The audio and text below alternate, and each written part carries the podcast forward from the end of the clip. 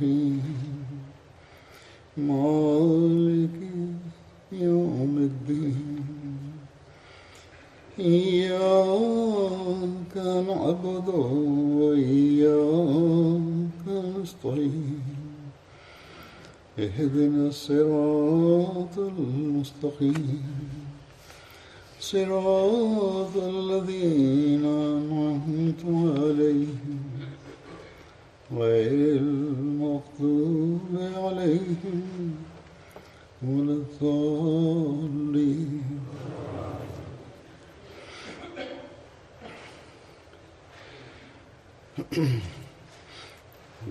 Rahim Hazur kaže, prošle hudbe sam spomenuo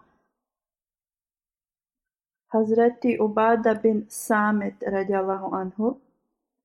Kao što sam rekao da nisam završio detalje o njemu i da ću nastaviti ove hudbe. Zapisano je kada je Abdullah bin Ubej i ljudi iz plemena Benu Kenkad su se borili protiv muslimana, Hazreti Ubada je bio pri, prijatelj sa Abdullahom bin Ubejom, ali radi ovoga rata i radi zbog Allaha i njegovog poslanika, on je totalno prestao druženje sa njima. U časnom Kur'anu ajet je objavljen Ja eju halavine amenu la teteh hizul jahuda uannesara aulija ba ad duhum aulija u bad u ameite oalilahuminkum pa i nehum minhum inalahela jahdjel kaume zoali što znači o vjernici ne uzimajte javreje i kršćane za prijatelje oni su prijatelji jedni drugima, Ako god među vama uzima njih za prijatelje, bit će njihov. Uistinu Allah ne upućuje nepravedne ljude. Hazur kaže ovdje treba da se razjasni da ovo ne znači da mi ne možemo da budemo dobri i da pomažemo njima. Ovo znači kada su oni u ratu protiv vas, da tada trebamo da ih se klonimo.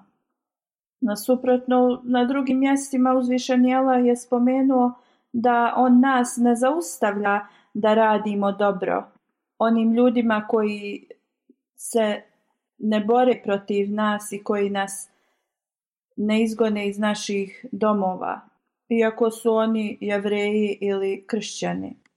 Što u časnom Koranu jasno stoji, la ينهاكم الله عن الذين لم يقاتلكم في الدين ولم يخرجكم من دياركم أن تبروهم وتقسطوا إليهم إن الله يحب المقسطين. Što znači Allah vam ne zabranjuje da onima koji se nisu borili protiv vas zbog vaše vjere i koji vas nisu istjerali iz vaših domova, činite dobročinstvo i da postupate pravedno. Zaista Allah voli one koji čine pravdu. Ovdje u ovom majetu nam objašnjava da mi ne trebamo da budemo s njima e, ni u lažnim prijateljstvima, znači mi se ne smijemo pretvarati jer Allah voli one koji čine pravdu. Ali na današnjici mi vidimo muslimanske vlade da radi interesa i radi neke pomoći oni se pokoravaju ovim vlastima i vladama i oni se također njih boje. I rezultat toga je da neki muslimani protiv drugih se suprotstavljaju i bore i, i onda se obraćaju ovim vladama i ovo nimalo nije dobro za muslimanski umet. U svakom slučaju Hazor kaže mi se moramo moliti da uzvišeni Allah podari mudrost ovim muslimanima koji ovo rade. U svakom slučaju da se vratimo događaju koje sam spominjao u vezi plemena Benu Kenka u Sirat Hatam Nebijin ovaj događaj je zabilježen prema mnogim uh, hadisima. Kad je Benu Kenka, kad su oni bili pobjeđeni, oni su bili istjerani iz tog mjesta.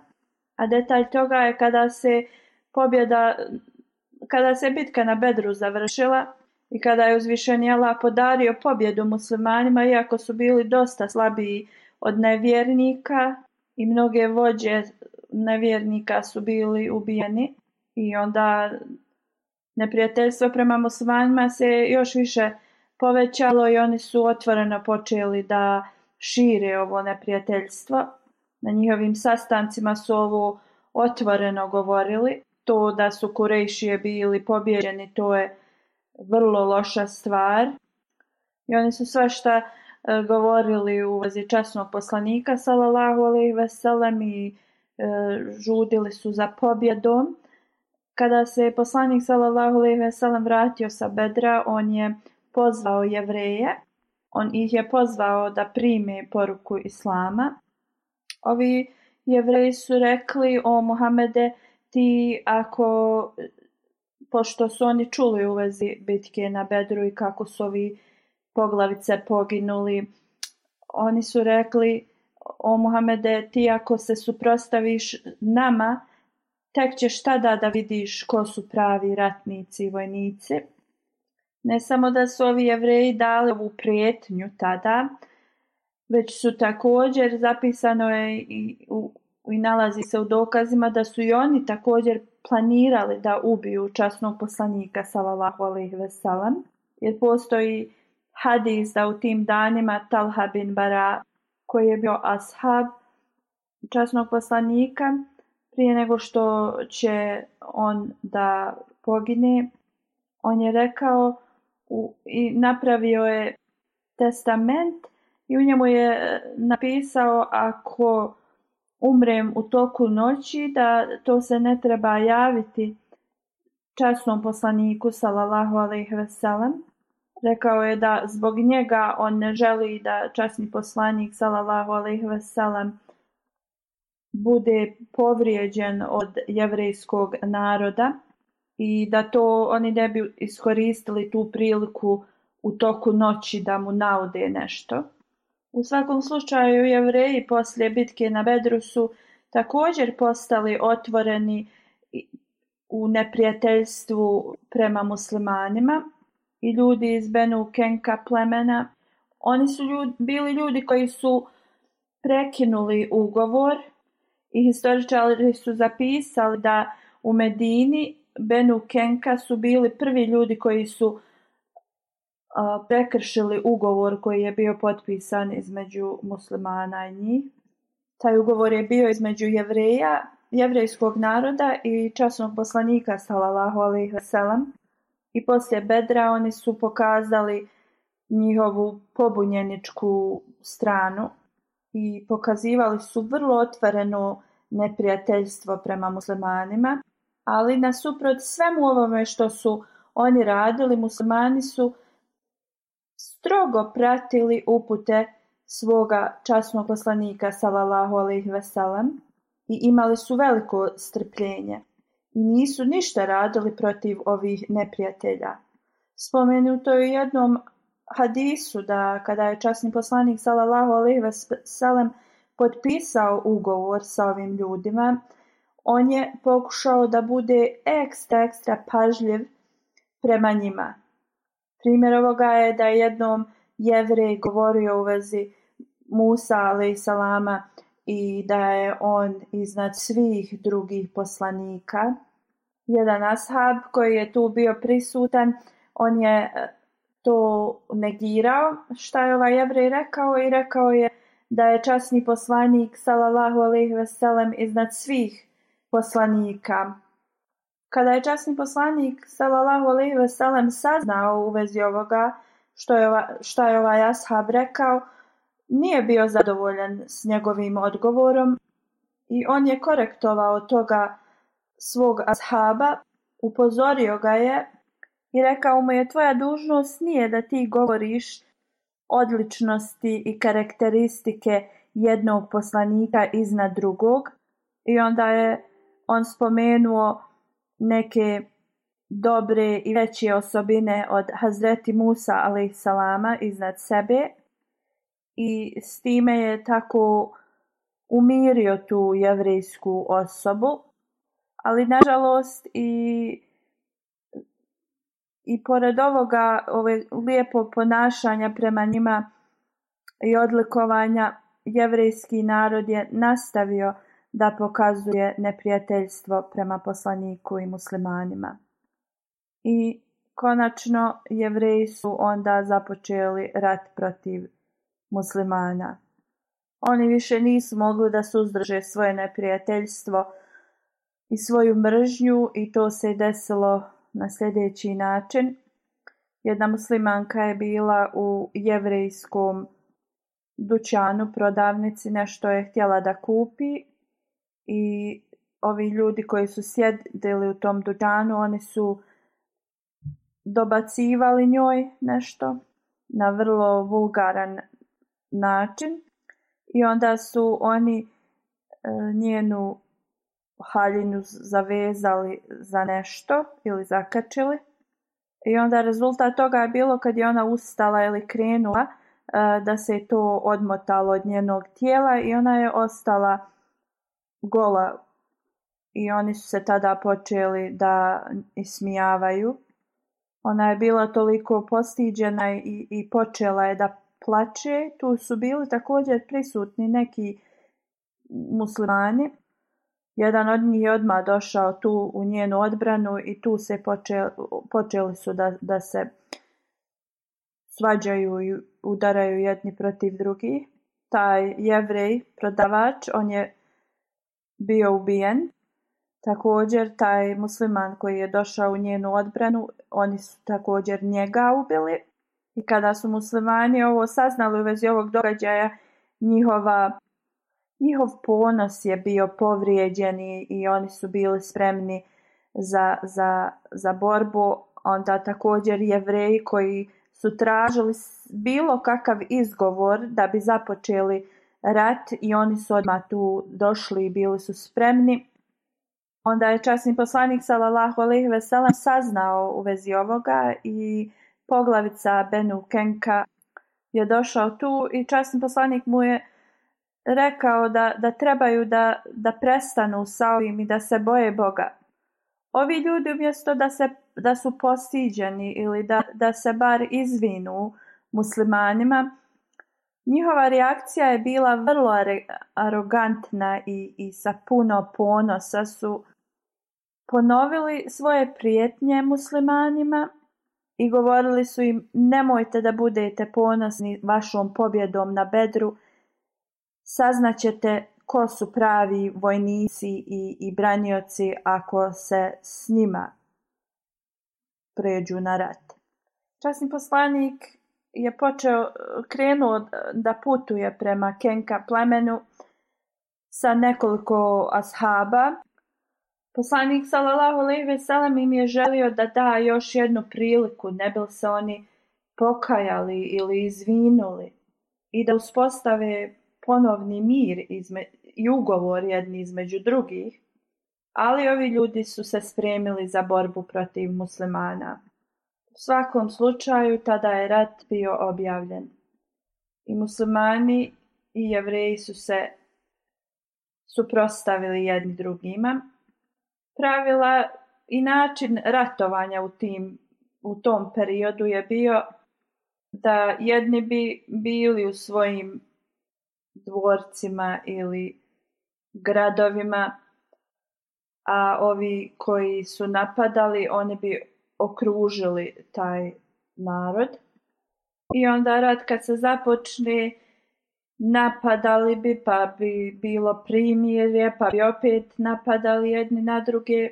I onda oni koji su okružili to, taj grad ili taj narod, ta vojska ako bi se povukla, onda ti unutra bi bili smatrani da su oni pobjednici ili u nekim slučajevima ovi koji su bili u svojim dvorcima ili zatvorenim gradovima i tako slično, oni kada više ne bi imali opcije, oni bi otvarali te glavne kapije i puštali te koji su ih okružili, tako da bi to bila pobjeda ovih koji su njih e, okružili te, ta vojs te vojske. Kleme Benukenka su se borili na ovakav način, oni su ostali u svom zagrađenom mjestu armija časnog poslanika sallallahu i veselem ih je okružila i ova borba se je nastavila 15 dana kada su beneukanka Ukanka iscrpili svoje moći i sve odlučili su da otvore vrata svoga grada i rekli su da blago i sva imovina može da pripada muslimanima osim njihovih života. Časni poslanik sallallahu alejhi ve je primio ovaj njihov prijedlog iako prema šerijetu iz Tevrata Tevrat nalaže kad se ovako ovo desi da svi ti ljudi trebaju da budu ubijeni. I također prema njihovom ugovoru koji su prije potpisali bilo je da im se sudi prema Tevratu ali časni poslanik, on je bio toliko milostiv i naklonjen prema Božim stvorenjima, da on je prihvatio da njihovi životi budu sačuvani. U to vrijeme da ostaviti ovaj narod u Medini bilo je vrlo opasno. Slično tome da ostavite zmiju otrovnicu u svom domu. U to vrijeme bilo je dosta licemjera iz Hazrađ plemena, iz Aus plemena i drugih plemena u Medini i donesena je odluka da ovi ljudi iz Benukanka oni budu protjerani iz Medine. I to u to vrijeme ta odluka je bila vrlo blaga kazna za njih. I ovo je doneseno samo radi toga, radi svoje sobstvene zaštite i da bi muslimani Medine bili zaštićeni. Mirza Baš Rahmet spominje da za ove ljude da se pomjeraju s mjesta na mjesto, to nije za njih bilo nešto novo ni, ni kao neka kazna. Oni su navikli da se pomjeraju s mjesta na mjesto i sele. I onda je ovo pleme Benu Kenka napustilo Medinu i otputovali su u Siriju. Časni poslanik sallallahu alejhi ve je dao dužnost olome ashabu kojeg spominjemo u Bada bin Samit da, da se pobrine za njihovo iseljenje. On ih je ispratio do neke daljine i pozdravio se s njima i vratio se nazad i ratni plijen od te borbe je bio samo neko obično oružje. Oni nisu imali ništa nešto što je bilo vrijedno i važno. U Sirat Hatan zapisano je u vezi ovoga da je časni poslanik sallallahu alejhi ve sellem rekao zauvijek ovi ljudi trebaju da budu istjerani iz Medine i da je ovu dužnost dao Bada bin Samitu i jevrejima je bilo dano, dato tri dana da se iseli iz Medine. Jevreji su tražili od Ubade da im poveća da im da više vremena da bi se iselili, što je on rekao ne. I rekao mi je, ni jednu minutu neću da vam produžim vrijeme. I onda su se oni iselili u roku od tri dana i kao što sam spomenuo, bada je, ih je ostavio, e, ispratio ih i oni su se preselili u Siriju. Postoje mnogi hadisi u vezi u ben Samet. Postoje mnogi hadisi u vezi života časnog poslanika sallallahu ve sellem i spominje se da su neki ljudi dolazili kod časnog poslanika sallallahu ve sellem i tražili da ih neko podučava Kur'anu i tada bi im časni poslanik sallallahu alejhi ve dao učitelja koji bi ih učio Kur'anu i vjeronauci. On prenosi da je jednom časni poslanik sallallahu alejhi ve i njemu nekoga dodijelio, on kaže ja sam njega podučavao vjeri i Kur'anu i on je boravio kod mene i također je jeo sa mojom porodicom i kad je taj period se završio i on je trebao da, da se vrati svo, gdje je on boravio i živio. On kaže, on je meni predstavio luk i strijelu koji je bio tako dobar i fleksibilan i svidjao mu se dosta. Ali ko što je bilo da inače su se svi ashabi savjetovali sa časnim poslanikom Salalahu ve veselem i on je tada otišao kod časnog poslanika i pitao ga je o Boži poslaniče šta ti misliš u vezi ovoga. E, poslanik je rekao to je isto kao vatra između tvojih ramena. Ti si njega podučio časnom Kur'anu a on je tebi dao vatru između, između tvojih ramena, što je značilo da za učin podučavanje časnog Kur'ana to se ne smije raditi. Postoji još jedan hadis koji prenosi Hazreti u bin Samit da je on podučavao neke ashabe iz Ehli Sufa i Kur'anu je podučavao i vjeri jedan od njih je napravio luk i strijelu za njega kao, kao poklon da, da mu se zahvali za to podučavanje. On kaže ja sam smatrao zato što nije to u parama ili u zlatu ili bilo kojom drugom blagu. Smatrao sam da se mogu da borim sa ovim na Allahovom putu ovo je luk i strijela koje ću ja da, da koristim u, na Allahovom putu, u borbama i tako dalje. Dalje kaže, ja sam se konsultovao i pitao časnog poslanika, salallahu alaihi veselem. On kaže, časni poslanik, salallahu alaihi veselem, mi je rekao, ako hoćeš da imaš ogrlicu od vatre oko svog vrata, onda ti prihvati taj poklon. Ako želiš da imaš to oko svog vrata, onda ti to prihvati. Komentatori ovih hadisa su objasnili da je taj luk i strijela bili kao plata za, za taj podučavanje časnog Kur'ana i da se to ne treba i ne smije, da se to ne smije prihvatiti a oni ljudi kojima je to dio njihovog posla, e, postoji zato upute kako da se to radi. Rashid ben Uvejš prenosi da je časni poslanik sallallahu alaihi otišao jednom i da pita u vezi zdravlja Ubada bin Samit kada se on nije osjećao dobro.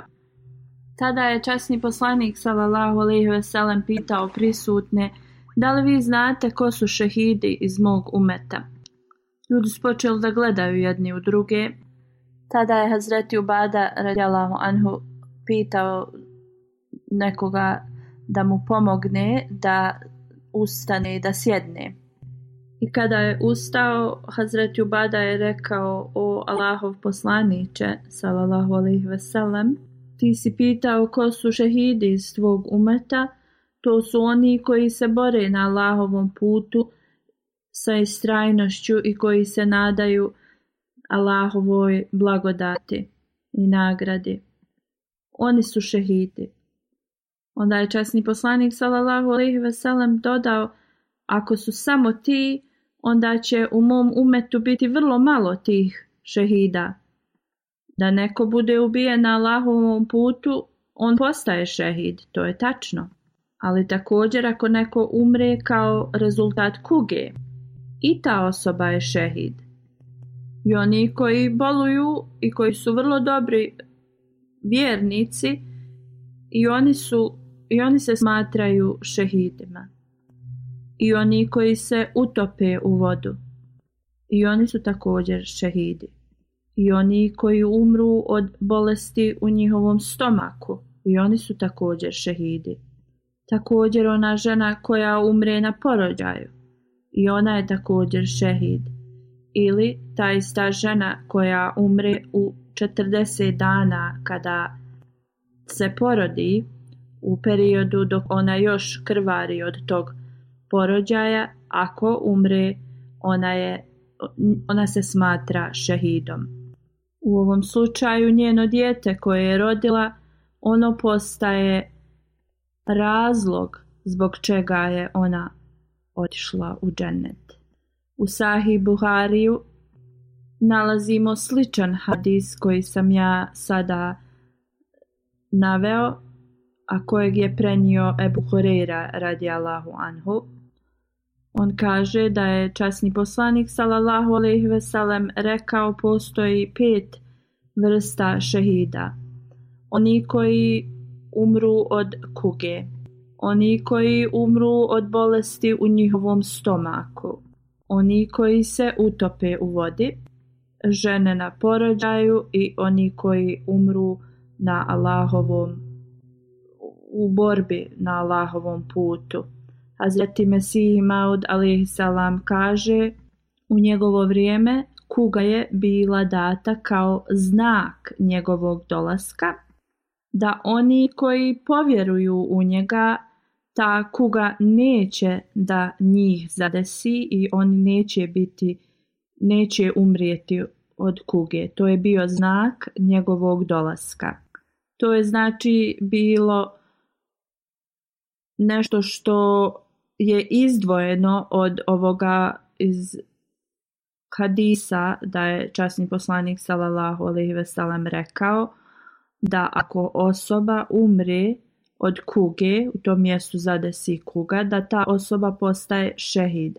Ali što se tiče u vezi obećanog Mesija Salama, to je bio jedan istiniti znak objava koju je uzvišeni Allah njemu dao, da njegovi sljedbenici neće biti zaraženi i oštećeni ovom kugom. Hazreti Ismail bin Ubejd Sarija prenosi da je Hazreti Ubada rekao Hazreti Ebu Horeire da on nije bio među njima kada su oni dali zakletvu časnom poslaniku salalahu alaihi veselam.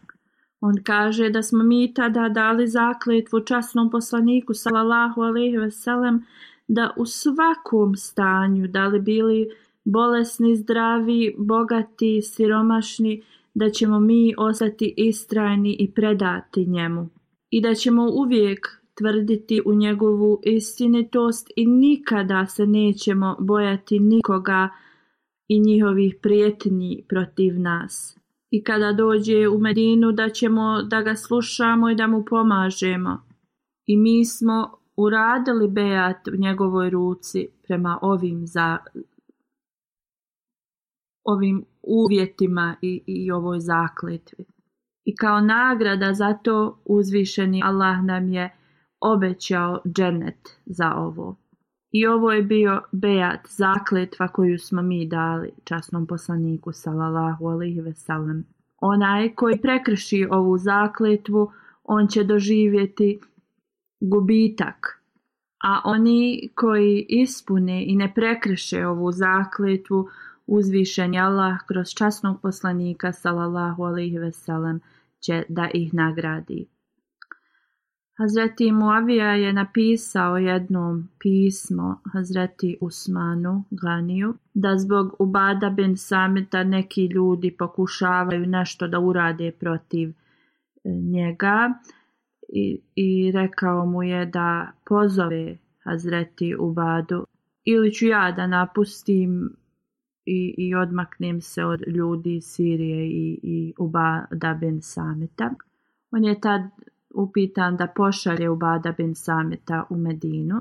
On je tada bio sam i našao je u jednom čošku Hazreti Osmana.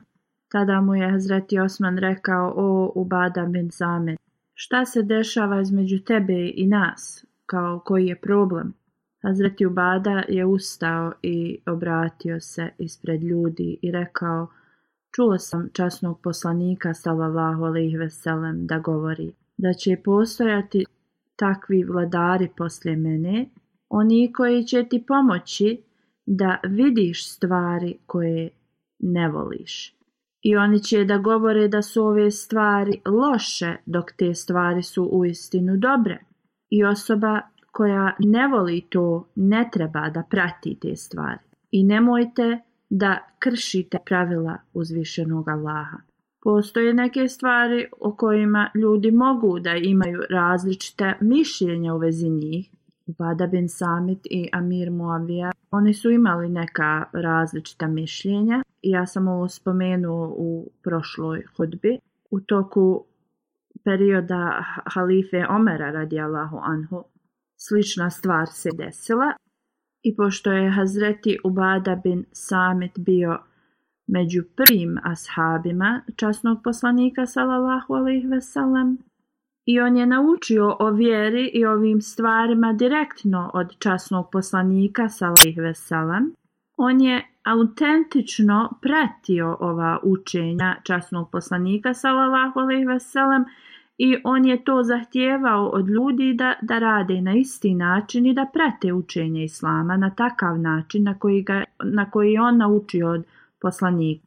I kada se ovo desilo u vrijeme halife Omara radijalahu anhu, njegova odluka je bila da ne, ne trebaju da ispituju i da postavljaju pitanje u Bada bin Sametu, trebaju da prate njegovo učenje i, i šta on nalaže, to, to je ispravno. I tada kada je on došao u Medinu, njega je eh, Hazreti Omer vratio nazad. Ali u vrijeme Hazreti Osmana, kad se ovo ponovo desilo, onda ga je Hazreti Osman pozvao u Medinu. U svakom slučaju, Ubada bin Samet je imao specijalan status kao ashab. On je mogao da objašnjava neke stvari u vezi vjere na, na, na vrlo poseban način zbog toga zato što je naučio njihova objašnjavanja od časnog poslanika sallallahu alejhi ve I zbog ovoga on se razlikovao u nekim ili njegova tumačenja su se razlikovala od drugih. I on i Amir Muavija su imali neki različit način objašnjavanja u nekim od religijskih stvari. U svakom slučaju on je imao svoje argumente u vezi toga uz koje je on ostao istrajan i on je objasnio prema svojim argumentima zašto se on ponašao na takav način, ali ovo ne bi trebalo da bude za svakoga da trebamo da se razlikujemo na svoj način jedino ako i to u časnom Kur'anu čisto stoji da je to tako, onda trebamo da stojimo prema svom mišljenju. Ili u naše vrijeme prema onome što je obećani Mesija ali salam spomenuo i objasnio nam. Fundamentalna stvar koju mi moramo da imamo na umu da niko ne smije prelaziti granice i one pravila uzvišenog Allaha. Moramo uvijek da imamo te granice na umu. Ovo je nešto što svaki Ahmed i musliman u svako doba mora da ima na umu i da ostane u ovom krugu poslušnosti. A ta prenosi da je upoznao Velida koji je bio sin u Badabin Samita. Pitao sam ga kada je tvoj otac um, umirao, koji savjet ti je dao? On je rekao, Hazreti Ubada me je pozvao i rekao, sine, boj se Allaha i ne možeš potpuno imati strah od uzvišenog Allaha dok potpuno ne povjeruješ u njegovu vjeru. Nikad nemoj da vjeruješ u nešto što je zlo. A ako umriješ vjerujući u bilo šta drugo, onda tvoja smrt će biti gubitak. Hazreti Enes bin Malik prenosi da je časni poslanik sallallahu alaihi veselam otišao Hazreti Umi Ilham bin Irham. Ona je bila supruga Ubada bin Samit. Ona bi davala hranu časnom poslaniku sallallahu alaihi veselam i on bi posjećivao njenu kuću. On bi se odmarao u njenoj kući i zaspao bi nekad i kada bi ustao smijao bi se i ona bi ga pitala zašto, zašto se je nasmijao. On kaže da su neki ljudi, um, njegovi sljedbenici, dali svoj život na Allahovom putu i da on ih vidi kao pobjednike i ta osoba tu koja je bila prisutna rekla je o Allahu poslaniće, moli se da ja budem jedan od takvih tih osoba časni poslanik sallallahu ve sellem se molio za umije hram. Onda je opet zaspao i kada se probudio opet se sa osmijehom je bio. I ona opet kaže da ga je pitala zašto se smije. I on je opet ponovio isto da neki ljudi iz njegovog umeta su otišli u borbu i ponovio je sve isto kao što je rekao prije. Ona je opet pitala, moli se uzvišenom Allahu da Allah učini mene jednim od tih ljudi kojima je Allah zadovoljen. i poslanik sallallahu alaihi veselem je rekao ti si već jedna od njih. Hazreti Umirhan u toku vremena Muavija bin Samran ona je otišla do mora i, i tada je pala sa um, životinje na kojoj je jahala i, i tako je e, umrla. Časni poslanik sallallahu alejhi ve je posjećivao nju. Ona nije bila njegova supruga. Zapisano je da ona je još jedna žena u, zapisano je da, da su one smatrane kao tetke časnog poslanika salallahu veselem u tom smislu i ljudi se slažu da je Umi Hran bila mahram časnom poslaniku salallahu alaihi veselem i zbog toga je časni poslanik salallahu alaihi veselem u toku dana išao kod nje i odmarao se u njenoj kući i da je ona bila njegov ma marham, to znači da je nije mogao oženiti. Postoje razni argumenti u vezi toga zašto i kako, ali ona kada je primila islam i uzela bejat od e, časnog poslanika sallallahu alejhi ve i zajedno sa svojim mužem Ubadom Ben Samitom koji je vrlo poznati i časni ashab časnog poslanika sallallahu alejhi ve znači zapisano je u vezi nje da je prihvatila islam i uzela bejat od časnog zakletvo časnog poslanika sallallahu alejhi ve i u toku hilafeta Hazreti Osmana radijalahu anhu zajedno sa svojim mužom koji je bio kao što smo spomenuli vrlo časni ashab i ona je tada zajedno s njim otišla u džihad i ona je postala šehid u toku ove ekspedicije. I ta molitva koju je uputio časni dova, koju je uputio časni poslanik sallallahu alejhi ve sellem za nju se ispunila.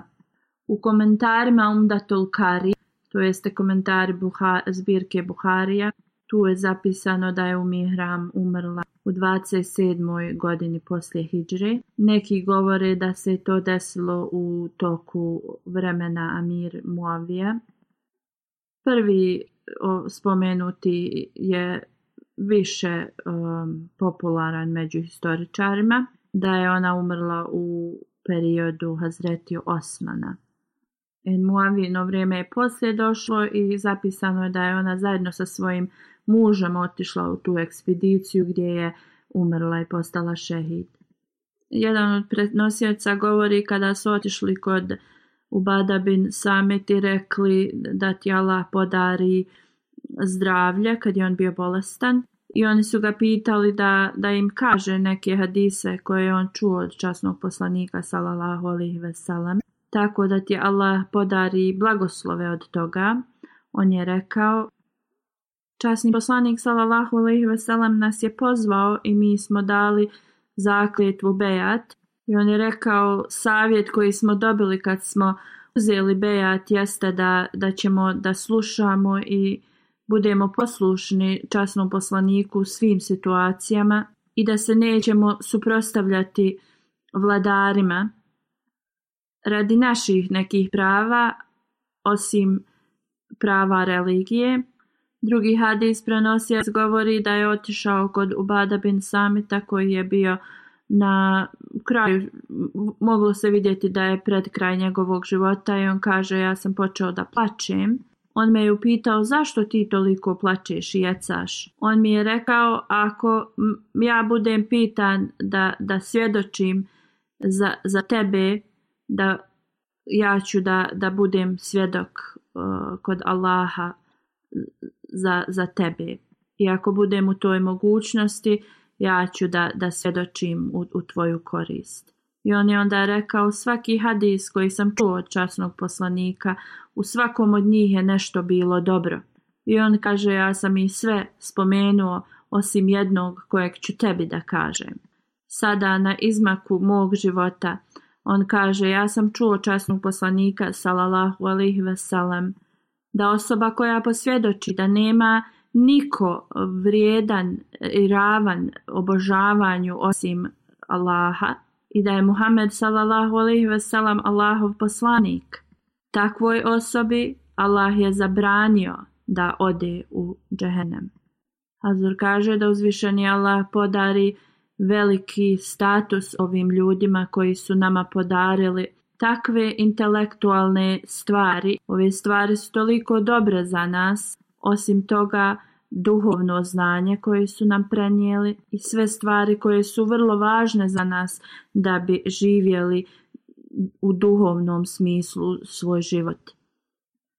Hazur kaže sada ću da spomenem neke ljude koji su preminuli i također ću da klanjam njihovu džanazu. Prvi je Sejid Sukija Sahe, porijeklom iz Sirije, 18. aprila on je preminuo.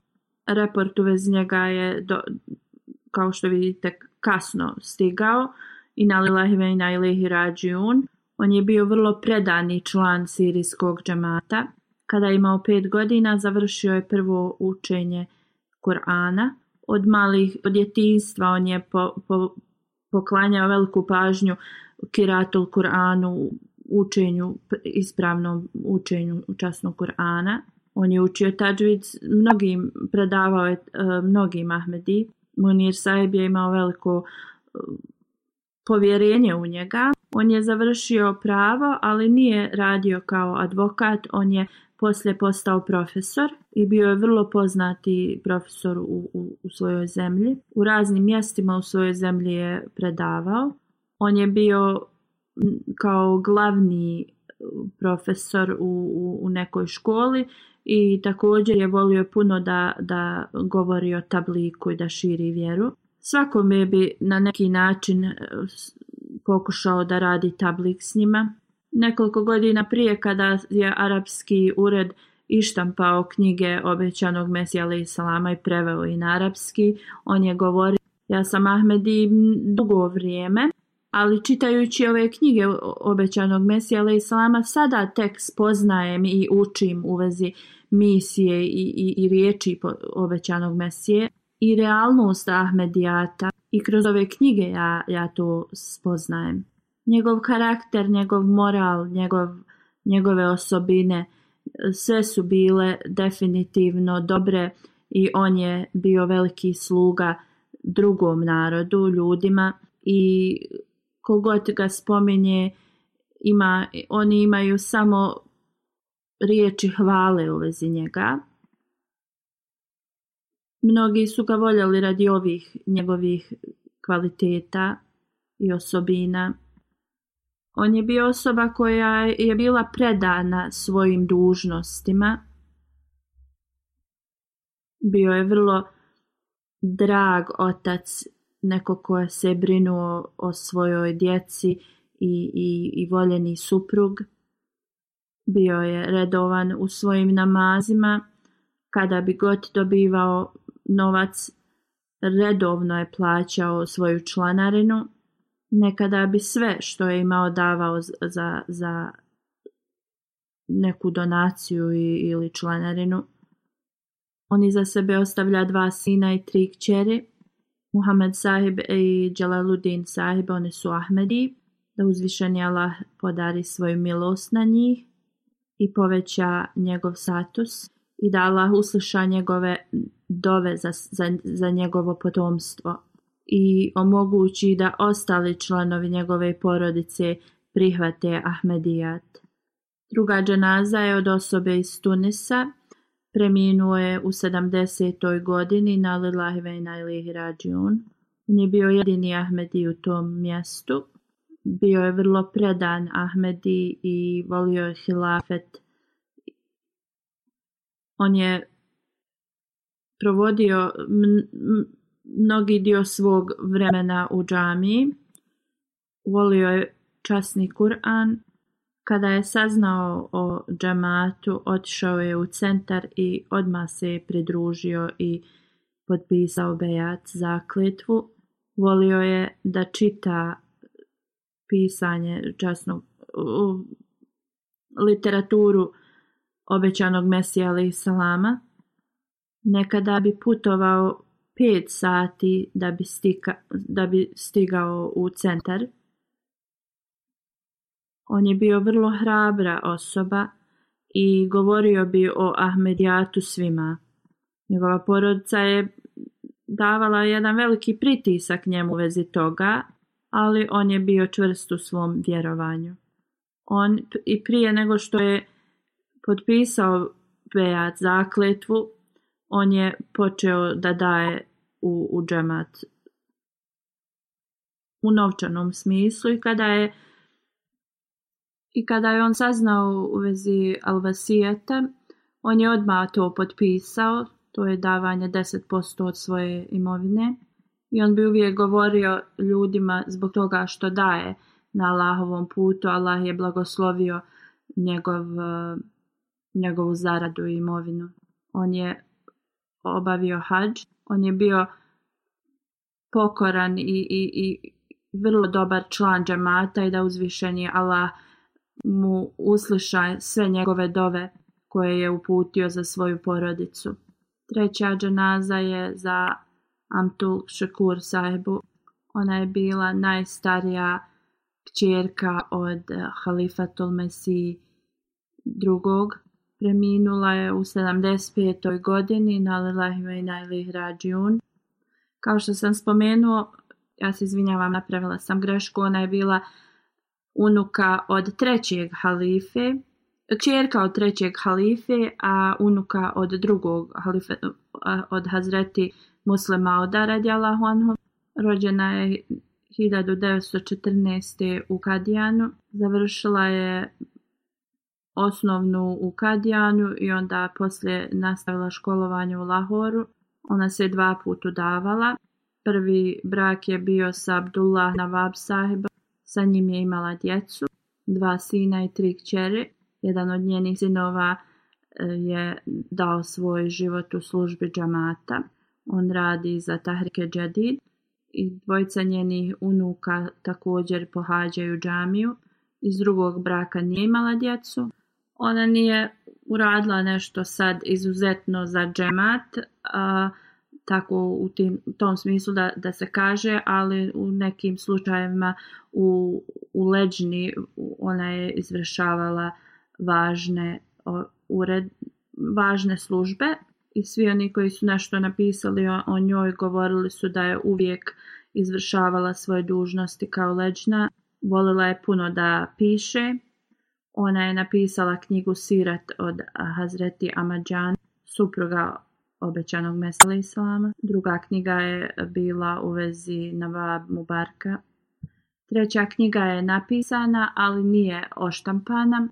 Hazur kaže ove knjige koje ona napisala u vezi ovih e, važnih žena u Ahmedijatu. Ove su knjige vrlo e, dobre e, kao jedan uzor za, za leđinu za žene u Ahmedija muslimanskoj zajednici. Njena unuka kaže, moja nana je uvijek govorila da Hazreti Halifatul Mesih treći je uvijek govorio da imamo osmijeh na licu, jer to je sadaka naša. I ona kaže, ja sam nju uvijek viđala sa osmijehom na licu, pa čak i u, u, u njenoj bolesti i u tugi. Uvijek je Uvijek je imala osmijeh na svom licu. I na kraju su otkrili da ona ima karcinomu, ali ona je kroz ovu bolest uvijek ostala strpljiva, istrajna i sa osmijehom na njenom licu. Da ju uzvišen je Allah oprosti i da njeno čitavo potomstvo ostane uvijek uz hilafet. Hazur kaže, ja želim još nešto da e, spomenem da je danas nacionalna hudam ištima u Velikoj Britaniji da počinje i zbog toga ja ću da sastavim džumu i kindiju, poslije ću da klanjam odmah poslije džume.